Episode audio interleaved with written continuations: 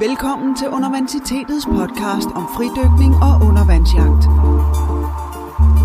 I studiet er fridykker og undervandsjæger Morten Rosenvold Villassen, forfatter til Hold Været, en bog om fridykning, og Johan Nielsen, Danmarksmester og nordisk mester i undervandsjagt og konsulent i fiskeri og akvakultur i firmaet Aquamarine. God fornøjelse. Goddag og velkommen til UV podcast nummer 17. Jeg har jo selvfølgelig Johan med mig. Hej Johan. Ja, tak Morten. Og i dag, UV podcast 17, handler det om undervandsjagt på havørreder. Vi har fået nogle forskellige forspørgseler på, om vi ikke vil lave nogle flere afsnit omkring det her, hvor vi tager en art, og så arbejder med den og angriber den fra forskellige vinkler og fortæller om fisken og hvor den lever og hvordan man fanger dem. Og nu er vi altså nået til havørrederne. Vi har tidligere været igennem skrubben og havbars og multe. Ja, multe. Og, øh, Torsk også. Nej, jeg tror faktisk ikke torsk endnu. Mangler vi torsk? Det må Ja. være næste afsnit.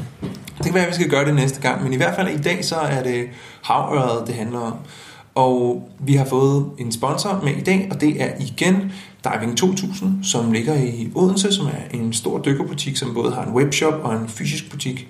En gammel butik, vi var lige inde og tjekke det, det er jo, de har fandme eksisteret i 30 år. Ja, det er helt vildt. Øh, De startede i 1900, var det 1987? man så- 1987, ja. Ja, så de øh, har snart 30 års jubilæum. Det kan være, at de laver nogle arrangementer eller gør et eller andet ud af det. Det må vi, det må vi følge op på. Men i hvert fald så er det nogen, der har været i gamet længe. Og de forhandler primært Boucher og Sirik og Cressy øh, produkter. Men det kan man tjekke på deres hjemmeside, som hedder shopdiving2000.dk. Ja, mm. og så øh, hvad er der sket siden sidst, Johan?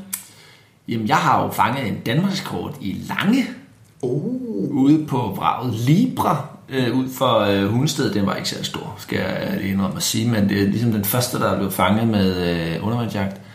Og øh, ja, det var sådan ligesom en tur efter Lange, fordi jeg havde kigget på nogle dykkerforum, så jeg kunne se, at der var langer der. Så, øh, så trissede vi derud, og, øh, og så kiggede jeg under en, øh, nogle blade, og jeg så faktisk øh, tre langer, hvor jeg fangede en ene, og fangede en torsk, og en, en lyssej også, der gik en hel del lyssej hen over braget. Et øh, ret, ret spændende, øh, lidt dybere, var det på 22 øh, til bunden og 16 til toppen, hvor der er lyssej. Så spændende vrag, hvis der er nogen, der vil ud og prøve noget anderledes vrag undervandsjagt i, Dan- i Danmark. Hvordan var forholdene på vraget? Hvad med strøm og sigtbarhed? Og... Jamen, det var fint. Der var strøm og dårligt sigt og brandmænd. Så det er klassisk kattegat. Det er sådan, det skal være. Ja, ja. Ja. ja. Det var ikke så slemt igen. Man kunne se sådan rimelig godt, og der var ikke vildt mange brandmænd og, og ikke så meget strøm heller. Men der, der, der, det er underligt. Der er altid meget strøm ude i Kattegat. Jeg forstår ikke helt, hvordan der kan være så meget strøm derude, men øh, det er der. Nej, men øh, det er rigtigt. Og, øh, men man kan jo sige, at hvis folk vil have, øh, høre mere omkring undervandsjagt på vrag, så har vi jo faktisk lavet et selvstændigt øh, afsnit omkring undervandsjagt på vrag, så det kan man se på uvpodcast.dk, hvilket afsnit det er. Jeg kan ikke lige huske nummeret i hovedet mm. her, men, men der gennemgår vi alt muligt med, hvordan man fanger fisk på vrag. Men øh, sejt gået, en lange. Ja, tak. Hvor, hvor, hvor meget var den? Et kilo. Et kilo? Tror jeg. Jeg gav faktisk ja, lidt over et kilo. Det var Ja. ikke så stor. Nej, okay. Men den var der. Jeg fangede også en kammusling. Ja, Også en første gang, øh, muligvis for undervandsjagt i Danmark. Der var jeg fangede faktisk 6-7 kammuslinger. Men, men øh, de, øh, de små, det er ikke den store, vi kender op fra Norge. Det er sådan lidt en lidt mindre en, man kalder Queen Scallop. Men, øh, okay. men den, det var jo, den var der. Eller de var der. Ja, Det var fedt. da jeg dykkede ned på vraget. Så ramte jeg ved siden af, og det er meget klassiker, ryger ned på havbunden, og så tænker man, kan jeg vide, hvilken vej jeg skal svømme. Og så tænker jeg, hvad fanden, der ligger fandme der en kammusling. Og så lå der en mere, og så samlede jeg kammuslinger.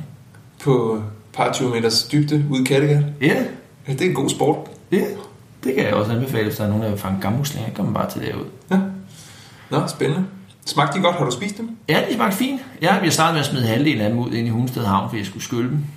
Så det var ikke så godt. Så jeg fik du, kun, du, du tabte dem? ja, ja, så jeg fik kun en med. Men den spiste jeg også. Det var en meget delikat uh, spise, når man ved, hvilket, hvilken uh, effort, der er gået ind i at bringe den ind på bordet. Så Ja. er det jo en lille, men god mundfuld. Ja, klart, klart. Nå, hold da op. Nå, men fedt. Øhm, jamen, og så har vi jo været ude en tur sammen. Ja. Øh, her i slutningen af september var vi ude. Altså september er jo en fantastisk undervandsjagt måned. Altså der er jo god sigt, der er masser af fisk, og de er tykke, og vejret er ofte, så der, der er rigtig godt at dykke. Og vi havde en, en virkelig god tur øh, mm. med båd rundt omkring Helsingør. Mm, vi, var jo, vi var jo ude efter tun jo. Det kan ja, vi lige så godt sige med ja. det samme. Vi blev ramt af tunfeberen, i og med, der er blevet fanget blåfindet tun på stang, og der er blevet set så mange bonitoer og fanget bonitoer på stang over ved Sverige. Så øh, nu tænker vi, nu skal vi ud og se de der tun, og hvis vi kommer forbi en stor tun, så filmer vi den, og hvis vi kommer forbi en bonito, så skyder vi den. Ja. Og øh, vi kan jo lige snakke kort om blåfindet tun. Altså, de fandtes jo i ret stort antal, i hvert fald stabilt i antal i Øresund efter krigen. Ja. Og frem til 60'erne, 60'erne ja. Så blev, blev det jo desværre øh, fisket væk, fordi øh, bestanden øh, blev øh, ligesom overfisket og man overfiskede også øh, makrel og sildebestanden, som tunene kom for at spise. Og så forsvandt de faktisk, og det var jo forfærdeligt, øh, at det skete, men øh, nu er der så sket det gode, takket være EU's fælles fiskeripolitik, hvor man har fået styr på tyvfiskeriet og overfiskeriet. Og det har man så haft i en 10-års periode, og så, fordi sådan nogle tun faktisk vokser utrolig hurtigt, så er der øh, gydebiomassen blevet øh, fra 200.000 tons til nu 600.000 tons. Og så er der simpelthen blevet så mange, så ikke der er plads til dem nede i Spanien, så de bliver nødt til at svømme op øh, til os for at få noget at spise. De små pus. Og, og det er faktisk ikke så små pus igen. Ikke så små pus igen. Det er hvor, jo... hvor store er det? Ja, men dem, der kommer herop, det er jo de store, så de er mellem 200 og 400 kilo. Og, og hvor op til et halvt ton, ikke? Hold da kæft. Ja, det er en, en på 400 kilo, den er lidt over 3 meter. Så, øh, og de spiser jo de er jo 37 grader indvendigt, selvom de svømmer i, og de kan leve i ned til 9-10 grader koldt vand. Så de spiser bare en hel masse makrel for at holde sig varme, og så brænder de det bare af. Så det er sådan en lille, øh, eller nogle store krudtugler der, der virkelig får... Øh, Edemaskiner? Ja, det må man sige. Og der er også kommet en hel masse makraller i, øh, i Danmark, og makrelbestanden har der også rigtig, rigtig godt og eksploderet faktisk. Så, så det er ekstremt positivt, og der blev fanget en op ved Orust i, øh, i Sverige, en, en tun på øh, løsfiskerstang. Og øh, vi så jo ikke nogen i Helsingør, men øh, de kommer. Inden for de næste par år, så bliver der filmet tun ved, øh, foran Kronborg, det er helt sikkert. Ja, det bliver... Det bliver Lambert, Lamberto Assi, som jo faktisk... Øh, øh, tidligere har set masser af tun, fordi han kommer fra Italien. Han øh, påstår jo at have set en, en tun bryde overfladen ud for snæksten, tror jeg. Uh-huh. Men det er jo også det gamle sted. Det er det gamle sted, ja, ja, og han, øh, han har ligesom set tun før, og har set delfiner og marsvin og sådan noget, så det kan være, at der allerede er blevet spottet den første tun. Ja. I øh, Snækkersten, der ligger jo Kystens Perle, som jo er et gammelt tunfiskerhotel, som simpelthen blev anlagt for tunfiskerindustrien, altså tu- turismen, altså alle dem med mange penge, der kom til Øresund langvejs fra for at fange de store flotte tun, og så boede de alle sammen på Kystens Perle lige nord for Snækkersten Havn. Mm. Og det er stadig et rigtig øh, udmærket sted at undervandsjage, øh, men øh, vi glæder os til, at der er tun igen. Det vil da være fedt. Ja, ja vi startede lige med at jumpe med 20 kilo sit, men det, det ja, er, når kutlingerne er jo glade for. Ja, lad os vende tilbage til vores tur der. Altså, vi, vi tog jo ud, øh, øh, Mark, vores gode ven, han havde øh, sørget for at, at hente en masse sild, og så, øh, så sad vi og nullerede dem i vandoverfladen og, og forsøgte at trække et spor. Øhm, og det øh, gik rigtig godt. Der kom bare ikke rigtig nogen fisk ud af det. det var et fint spor. Vi det var et rigtig fint spor. Så, øh, så vi droppede den en, ja, taktik efter en times tid eller sådan noget. Mm. Og så, øh, så fik vi dykket på par vrag, hist og pist. Og vi fik dykket... Nå, nå ja. Og fanget en hummer. Du fandt en hummer og en taskekrabbe ude ja. på... Jeg kan ikke huske, hvad det var hed. Det ligger ude for lappegrunden. Ja, der var ikke særlig meget, men der var lige nok til, at der var en hummer. Ja, der var lige et par ting og sager, der stak op af bunden, men det var godt nok et søllevrag, må man sige. Men, øh, men spændende med en hummer, som desværre havde rovn, så den blev øh, genudsat igen. Ja. Og så var vi henne foran, jeg lå henne på Nordmålen og fik skudt mig en torsk, og så en torsk, der smuttede fra mig. Øh, og vi var også henne i, i en lille sådan bugt ved øh, Kronborg, hvor man kunne ligge og lave sådan noget spændende jagt. Og det binder faktisk meget godt øh, mm. øh, bro til dagens tema, nemlig efter havørder. Fordi at øh, der ligger sådan en skrant ud for Kronborg, og det er et forfærdeligt sted under vandjage, fordi man får kastet løsfiskerblink i, i ansigtet og bliver sejlet ned bagfra af alle bådene, og, og færgen ligger og larmer, og det er et enormt stressende sted, og ikke særlig sikkert sted. Men grunden til, at vi kunne ligge der, var, at vi havde ligesom en båd, vi dykkede klods op af, og så på den måde kunne båden give lidt beskyttelse øh, og gøre os ekstra synlige, men det er egentlig ikke et sted, jeg vil anbefale, man, man bare tager ud over, under man mm. Men, øh, men der lå vi på 8, 10, 12 meters dybde og, og ventede og så, hvad der skete, og der var rigtig meget liv i vandet. Der var hestemakraller, der var øh, forskellige småfisk, og så øh, et par gange fik vi faktisk også set havredder, og øh, de var desværre for hurtige og lidt for langt væk. Der var rigtig god sigt den dag. Så øh, vi fik dem ikke med op, men øh, flotte fisk og fedt at ligge og vente på, på 10 meters dybde efter en havredder. Det var faktisk ret, øh, ret lækkert. Det er jo... Øh det ultimative øh, fangst, det er jo dagsøren jo. Ja, det må man sige. Det er, jo, det er jo ligesom, når man, når man øh, har fanget en øh, dagsøret, så er man blevet voksen, som undervandsjæger. Ja. Øh, og der er, altså, man kan selvfølgelig godt komme lidt heldig til en dagsøret nogle gange, når de står og sover lidt inde i snørebåndstangen, men, øh, men det er uden tvivl den mest sky fisk, man overhovedet kan komme til at jage i danske farvande. Og velsvane og, øh, og så videre, så videre, så der, der er ikke nogen grund til at holde sig tilbage. Øh, men, øh, men ja.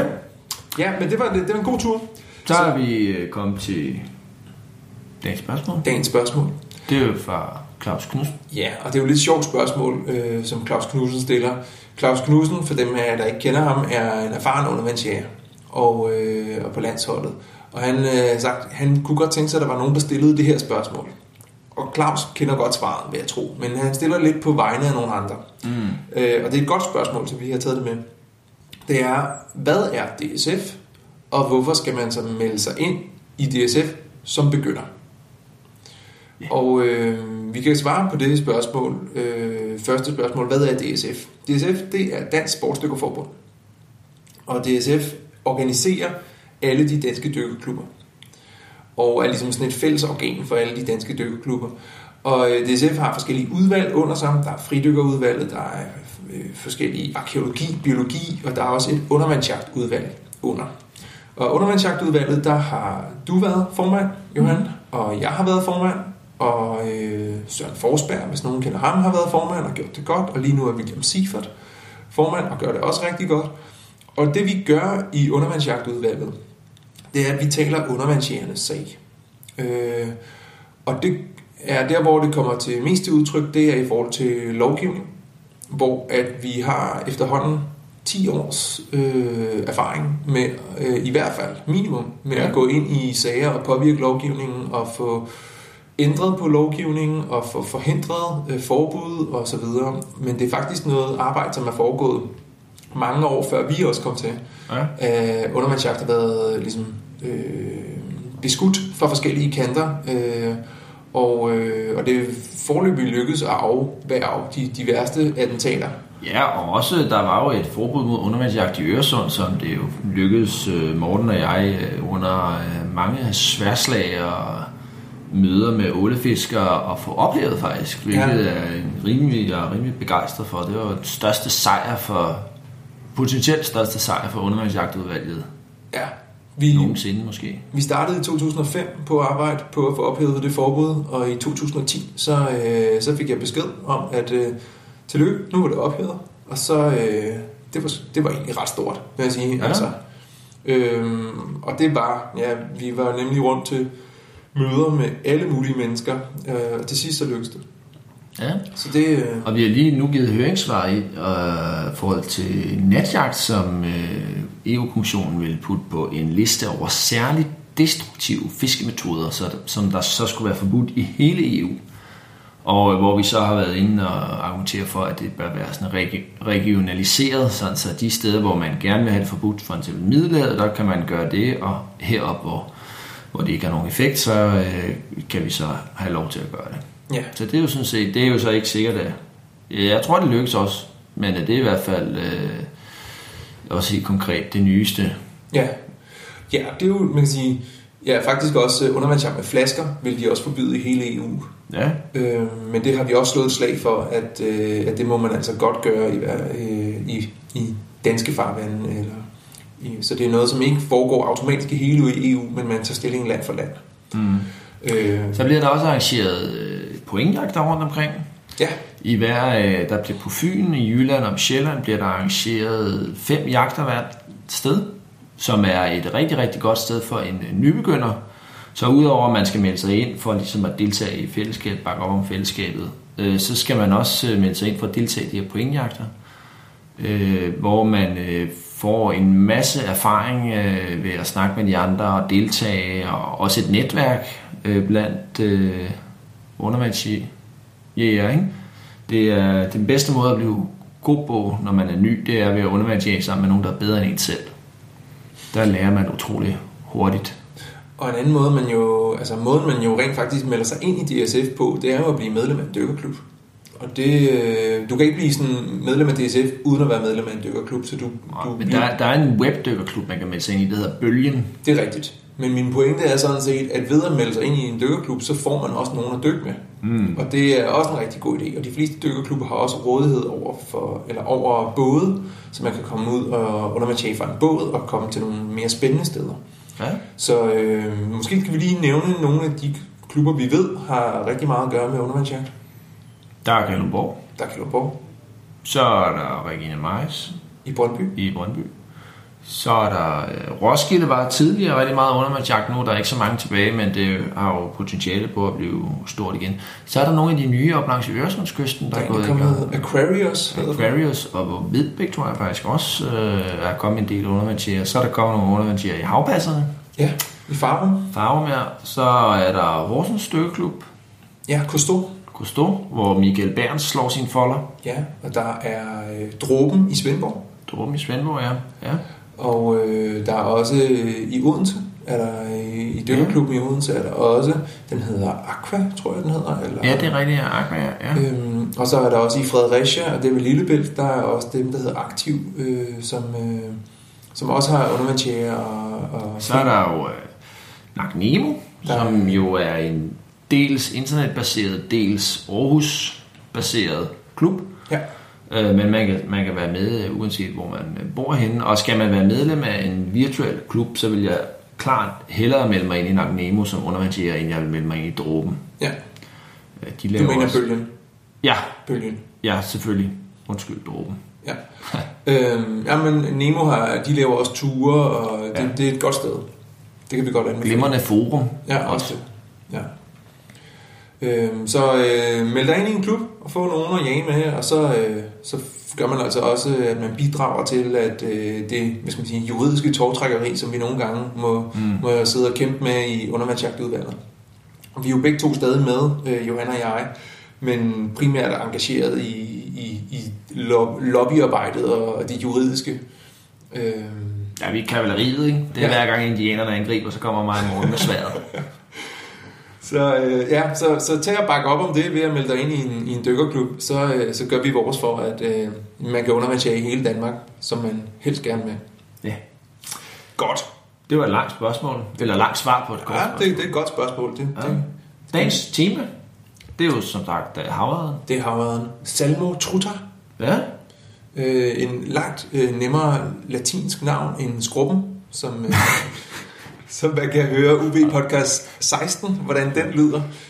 Ja. Øhm, den havde vi øvet os meget på, men det lykkedes stadig ikke at sige, sige det rigtigt her på podcasten. Men øh, havredder Salmo Truta, den kan vi godt. Og det er jo en, øh, en lidt spændende fisk, der vandrer mellem saltvand og ferskvand. Den øh, vokser op i saltvand, og så øh, vandrer den op af en, en velegnet gyde, øh, å eller bæk, og, øh, og gyder så i ferskvand, og så øh, vandrer den ud igen, øh, og er helt træt og slatten, øh, mm. men, men tager så på igen, og muligvis kan de godt øh, gyde to gange. Oh, det, kan, det, kan de, det kan de siger godt. Der er selvfølgelig også mange, der Er der del, der skrider i svinget, men ja, de kan godt gyde flere gange. Og øh, de vokser faktisk rigtig hurtigt. Øh, nu har jeg lige sådan en, en vækstrate her, Mm. og øh, man kan se, at allerede når en fisk er to år gammel, så er den altså 50 cm lang og vejer øh, gennemsnitligt omkring øh, 1,7 kg. Og en 3 års gammel havørred, den øh, er 77 øh, cm lang og knap 6 kg. Og hvis man skulle være så heldig at støde på en 4 år gammel øh, havørred, så er vi altså oppe i nærheden af 90 cm længde og 8,5 kg. Så det er altså nogen, der vokser enormt hurtigt og spiser enormt meget for at kunne, kunne følge med den øh, vækstrate der. Ja, det er fandme vildt, de vokser så hurtigt. Ja, det er, det er imponerende.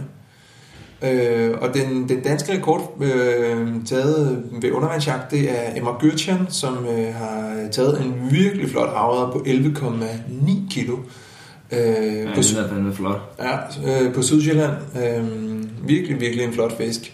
Og det vil sige, der er langt mellem, at man fanger en havre på den anden side af 10 kilo, og faktisk også på den anden side af 8 kilo.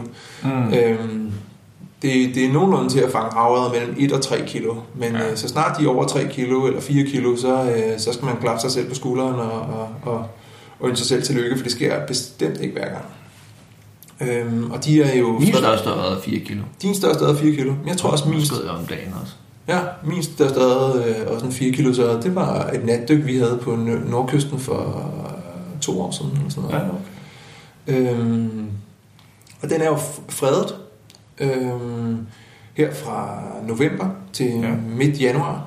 Ja. Og på Bornholm så er det en udvidet fredning, så det er fra september og frem til Det er jo de farvede fisk, der er fredet, ikke? Det er faktisk, jo, jo. så er der, må man gerne, og det er jo det med undervandsjagt, der kan man jo faktisk netop gå efter øh, overspringer eller blanke fisk, ikke? sådan ja. så man øh, kan undlade at skyde dem, der har gydedragt på. Så bliver de mere brune, mere plettede, hannerne får kæbekrog, slimen, øh, skældene sidder fast, det er selvfølgelig lidt svært at se, når man, inden man fanger den, men skældene sidder fast, og slimlaget bliver tykkere, så de, øh, og så er der nogen, der ligesom bare vælger at, at slappe af og lige stå over. Stå over, ikke? Den kan der jo overspringe. De er så helt sølvblanke, har ikke kæbko, har ikke så mange pletter, og skældene er løse.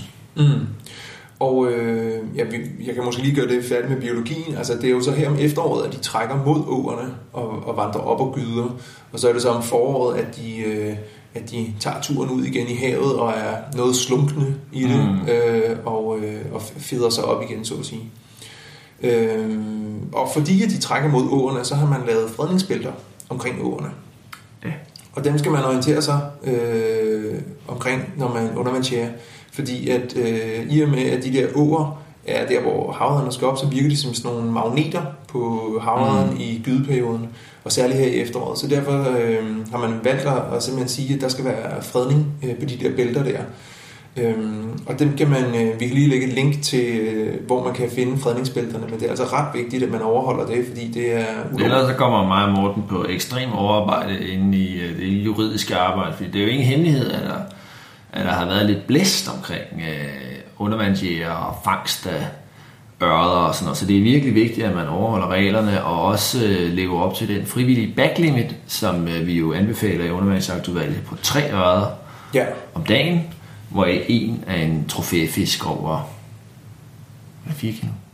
Ja, altså i, en trofæfisk, ikke? På, den, den vigtigste point det er, at man maks fanger tre havørder. Ja. Øhm, så øh, det, det er sådan en god stil frivillig ordning, som vi, øh, vi øh, prøver at promovere, for at vi i hvert fald kan se løsfiskerne i øjnene, og at, at der er ikke nogen, der, der hvad hedder det, der skal bestille undervandsjægerne for at tømme havene for havørder. Mm. Øhm, så, og, det bør være rigeligt. Man kan jo fange tre pæne havørder, og så har man også fisk nok til. Ja, ja, altså skal man endelig, hvis man mangler noget mad i fryseren, så skal man endelig bare slå sig løs på skrubberne. Det er jo en god spisefisk, hvor bestanden er meget velegnet til, at man kan fange alt, hvad man overhovedet orker, uden øh, det har nogen som helst betydning. Ja, men øh, nøj, vi kan også lige sige, at mindstemålet for en havred, det er 40 cm. Ja. Øh, men, øh, men bestanden, havredbestanden, er, er det en troet fisk, ved Nej, det er det sådan set ikke. Altså. Det, øh, det, det, det har det udmærket bestanden. Det, det, som gør, at den ikke er så stor, som den potentielt kunne være, det er mangel på velegnede gydesteder. Det vil sige, at langt de fleste små åer med grusbund med hurtigt strømmende vand, de er blevet øh, rettet ud og uddybet, sådan så vandet strømmer langsommere, bunden er blød og mudret, de må, mange af dem også blevet lagt i rør, og så er de uegnet til øh, gydning for, øh, for havre. Så det, der øh, sætter begrænsningen, det er ikke sådan set, hvor mange fisk, der bliver fanget, så længe man fisker til eget forbrug. Det er faktisk øh, velegnede åer. Og øh, i undervandsjagtudvalget har vi også et underudvalg øh, med, øh, med, med to personer, som øh, arbejder med at koordinere undervandsjægers øh, hjælp med det her øh, gydegenopretning. Det er det, der hedder grusbanden, ikke? Grusbanden, ja. Ja, det er dem, som de arbejder sammen med, ikke? Ja. Og øh, vi lægger link op til, øh, til de personer, hvis det er noget, man kunne tænke sig at deltage i, med at lægge grus ud og gyde, skyde sten og ud og genetablere sådan nogle ting, og måske nogle steder og elfiske og stryge øret og sætte ud og sådan noget. Det der med at fange øret med elfiskeri og opdrætte ynglen og så sætte ud igen, det er jo sådan en symptombehandling. Altså den kuren, det er jo at genoprette urene. Ja. Det er en lidt dyr kur, men så, det, så virker den til gengæld i 1000 år, sådan nu, når først man har betalt for at få den øh, ført tilbage i sit leje, og man ikke udleder drænvand fuld af okker og sådan noget, så, så fungerer det bare rigtig godt. Så, øh, så det er det, man skal, man skal arbejde med øh, som undervandsjæger. Hvis man vil bidrage, så skal man øh, melde sig ind i de der grusbanden og melde sig under fanerne og sørge mm. for, at de danske åer genslynges og, og er velegnet for øret til at yngle i. Ja, Men øh, hvordan fanger man så en havøret? Øhm, vi, vi, der er ligesom to måder at gøre det på. Øh, der er om dagen og om natten. Ja. Og øh, hvis vi starter øh, om, øh, om dagen, så øh, er det tæskesvært.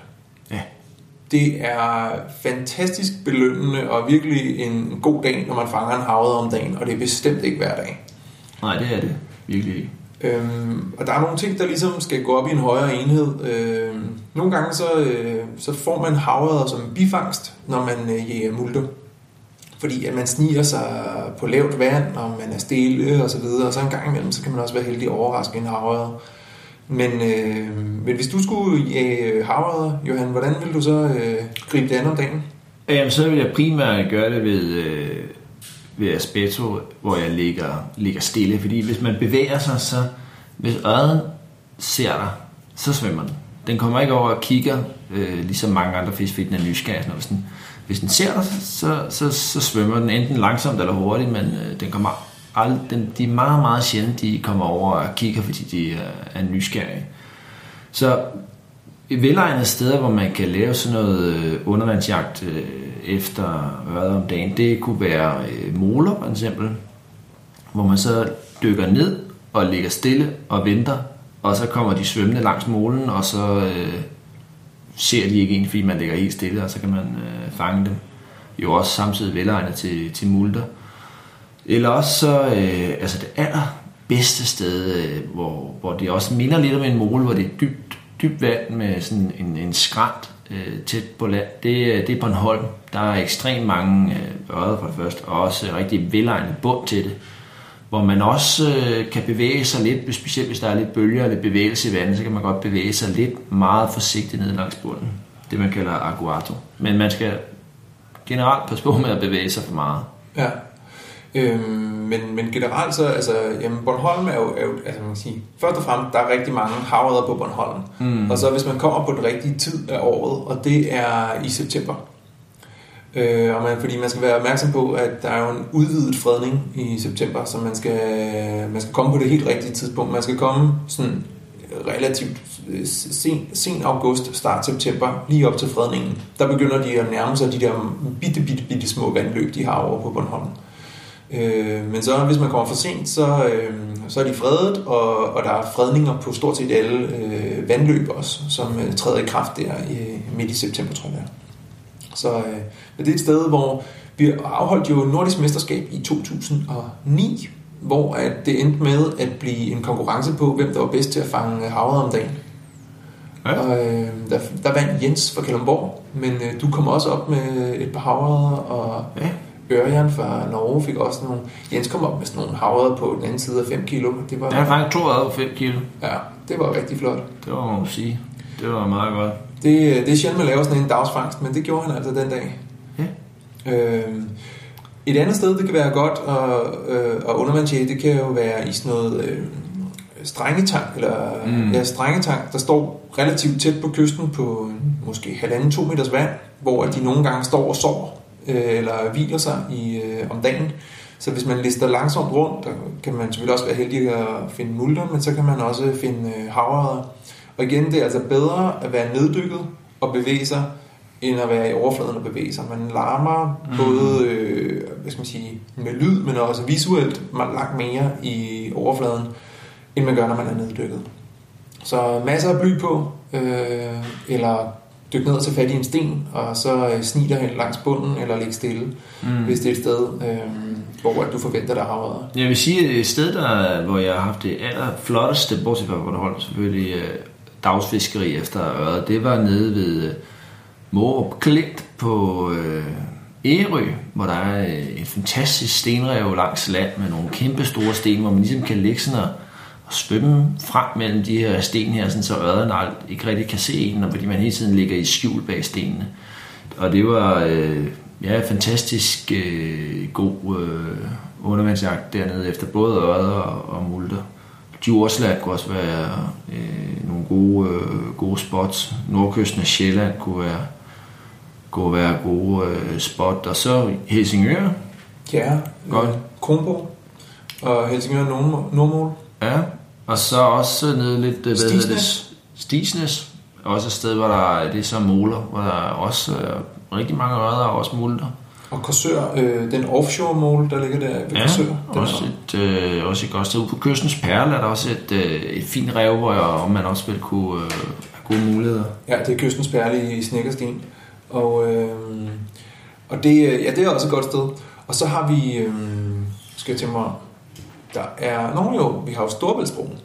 Ja. Der, hvis man, øh, var det, det er ude ved Ankerblokken. Vi har Ude ved Ankerblokken og de ja. tre sidste piller ud for Ankerblokken, hvor der også er lavet, der er også altid været faktisk, og øh, også nogle, også nogle ordentlige basser derude om dagen. Havde, havde sådan en kæmpe stor en, som jeg fik skræmt væk. Nej. Som var, ved, havde været en personlig rekord. Ja. Men, øh, ja, men så der, der er en del steder, jeg... Så det er moler, og det er rev med store sten, og Mm. det er øh, steder, hvor der løber lidt strøm. Ja. Øh, og så øh, strengetang. Det, Ja. det er typisk der, man finder dem. Man vil også kunne øh, finde dem øh, Røsnes og Asnes. Øh, Ja.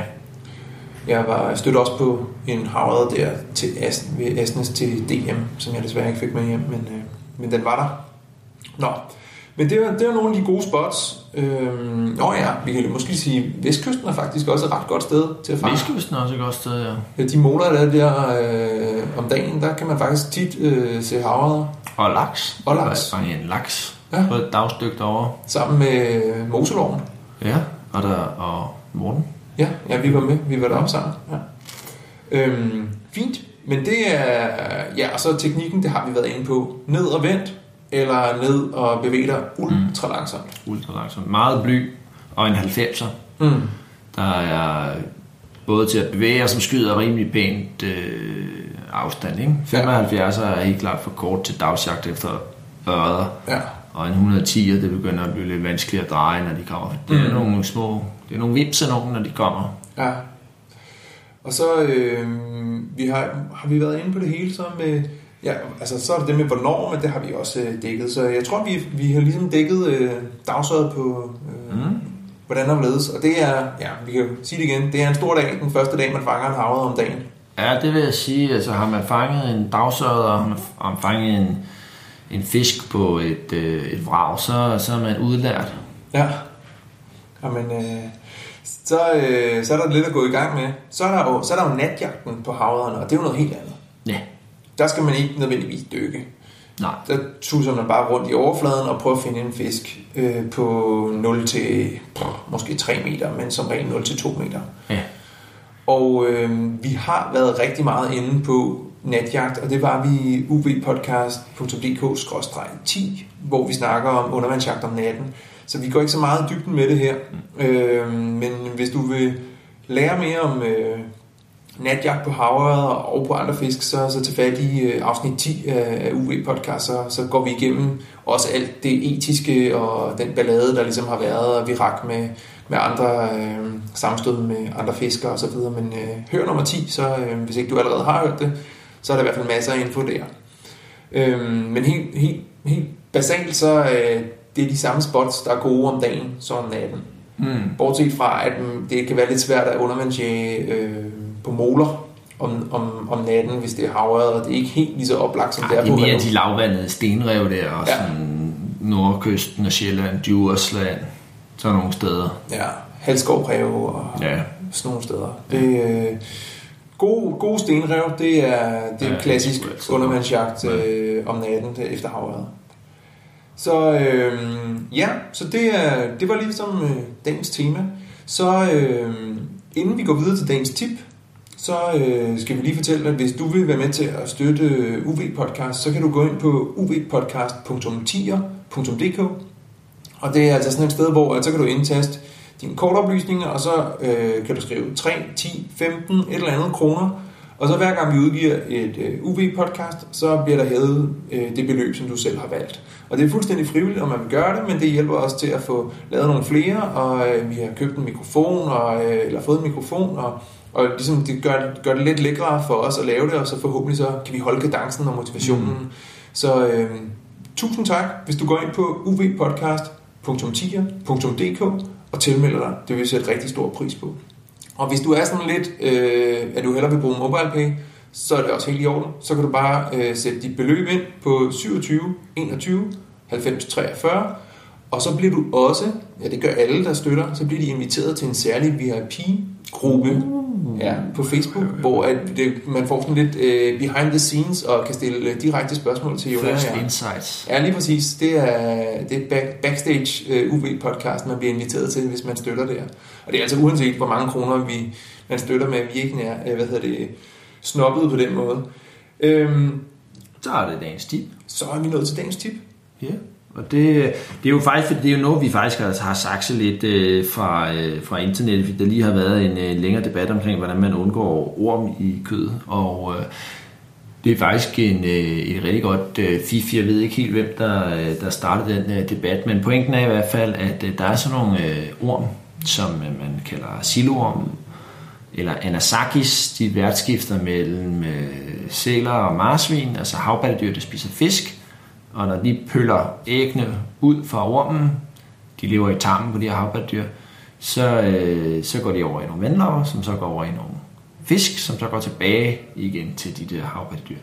Og hvis mennesker spiser dem, så er det ikke så godt, fordi øh, så øh, far den der orm mild ind i vores krop og laver ulykker. Så hvis man skal spise dem rå, så skal man fryse dem, øh, og de dør selvfølgelig også ved stejning og sådan noget. Men så er der, de sidder tit i indvoldene på fisken, for eksempel torskelever, der sidder næsten altid sådan en lille spiral. Det er sådan en, en orm her, Anasakis. Og hvis man renser fisken ud i vandet, altså mere eller mindre øh, med det samme, man kommer ind, så når de her orm ikke at vandre over i filen, og så vil man i hvert fald reducere antallet af orm i filen, men det er ikke godt nok til, at man så kan bruge en torsk til sushi. Øh, Så god er øh, teknikken. Men det reducerer i hvert fald antallet af orm i filen, og øh, det er jo rigtig dejligt. Og det også, giver også en meget bedre kvalitet på fisken, at man renser den med det samme, og man ikke får alt det her fiskeaffald med ind i sine lejligheder op i køkkenet, og man skal stå og fedt med det, så er det 100 gange bedre, at man gør det ude i vandet, og lige skyller den og tager hovedet af og så videre, så man kun ligesom tager det gode med hjem. Men man kan vel allerede gøre det, når man har skudt fisken og slået den ihjel, altså man renser den ude i vandet. Ja, ja, det kan man Og så har den sagtens. hængende på, på stringeren renset, og lige Ja. få den skyllet igennem på den måde. Det kan man sagtens. Det er også øh, faktisk meget godt i forhold til at få blodet ud af kødet, at man øh, lige når man er fanget, altså man hiver nogle gældstav ud. Mm-hmm. Det er sådan lidt en, det har ikke så meget med orm at gøre, men så kommer der ikke øh, de her sorte afstriber i, i kødet af af blod, der er koaguleret ind i filen. Så det er, øh, det er et godt trick til at undgå Ja. ja. orm og få forhøjet kvaliteten af det fisk, man fanger øh, i gastronomisk henseende. Mm. Så øh, er vi ved at være færdige, og vi skal huske at sige tak til Diving 2000 for igen at sponsere øh, UV Podcast, og du kan altid finde noter og links, og du kan også se lidt billeder øh, inde på uvpodcast.dk-17, som er det her afsnit. Og ellers så øh, er det bare at sige tak for nu. Tak fordi du lyttede til Universitetets podcast. Husk, at du altid kan læse mere om udsendelsen og se fotos på ubpodcast.dk. Her kan du også høre de andre podcasts og læse artikler om fridykning, snorkling og undervandsjagt.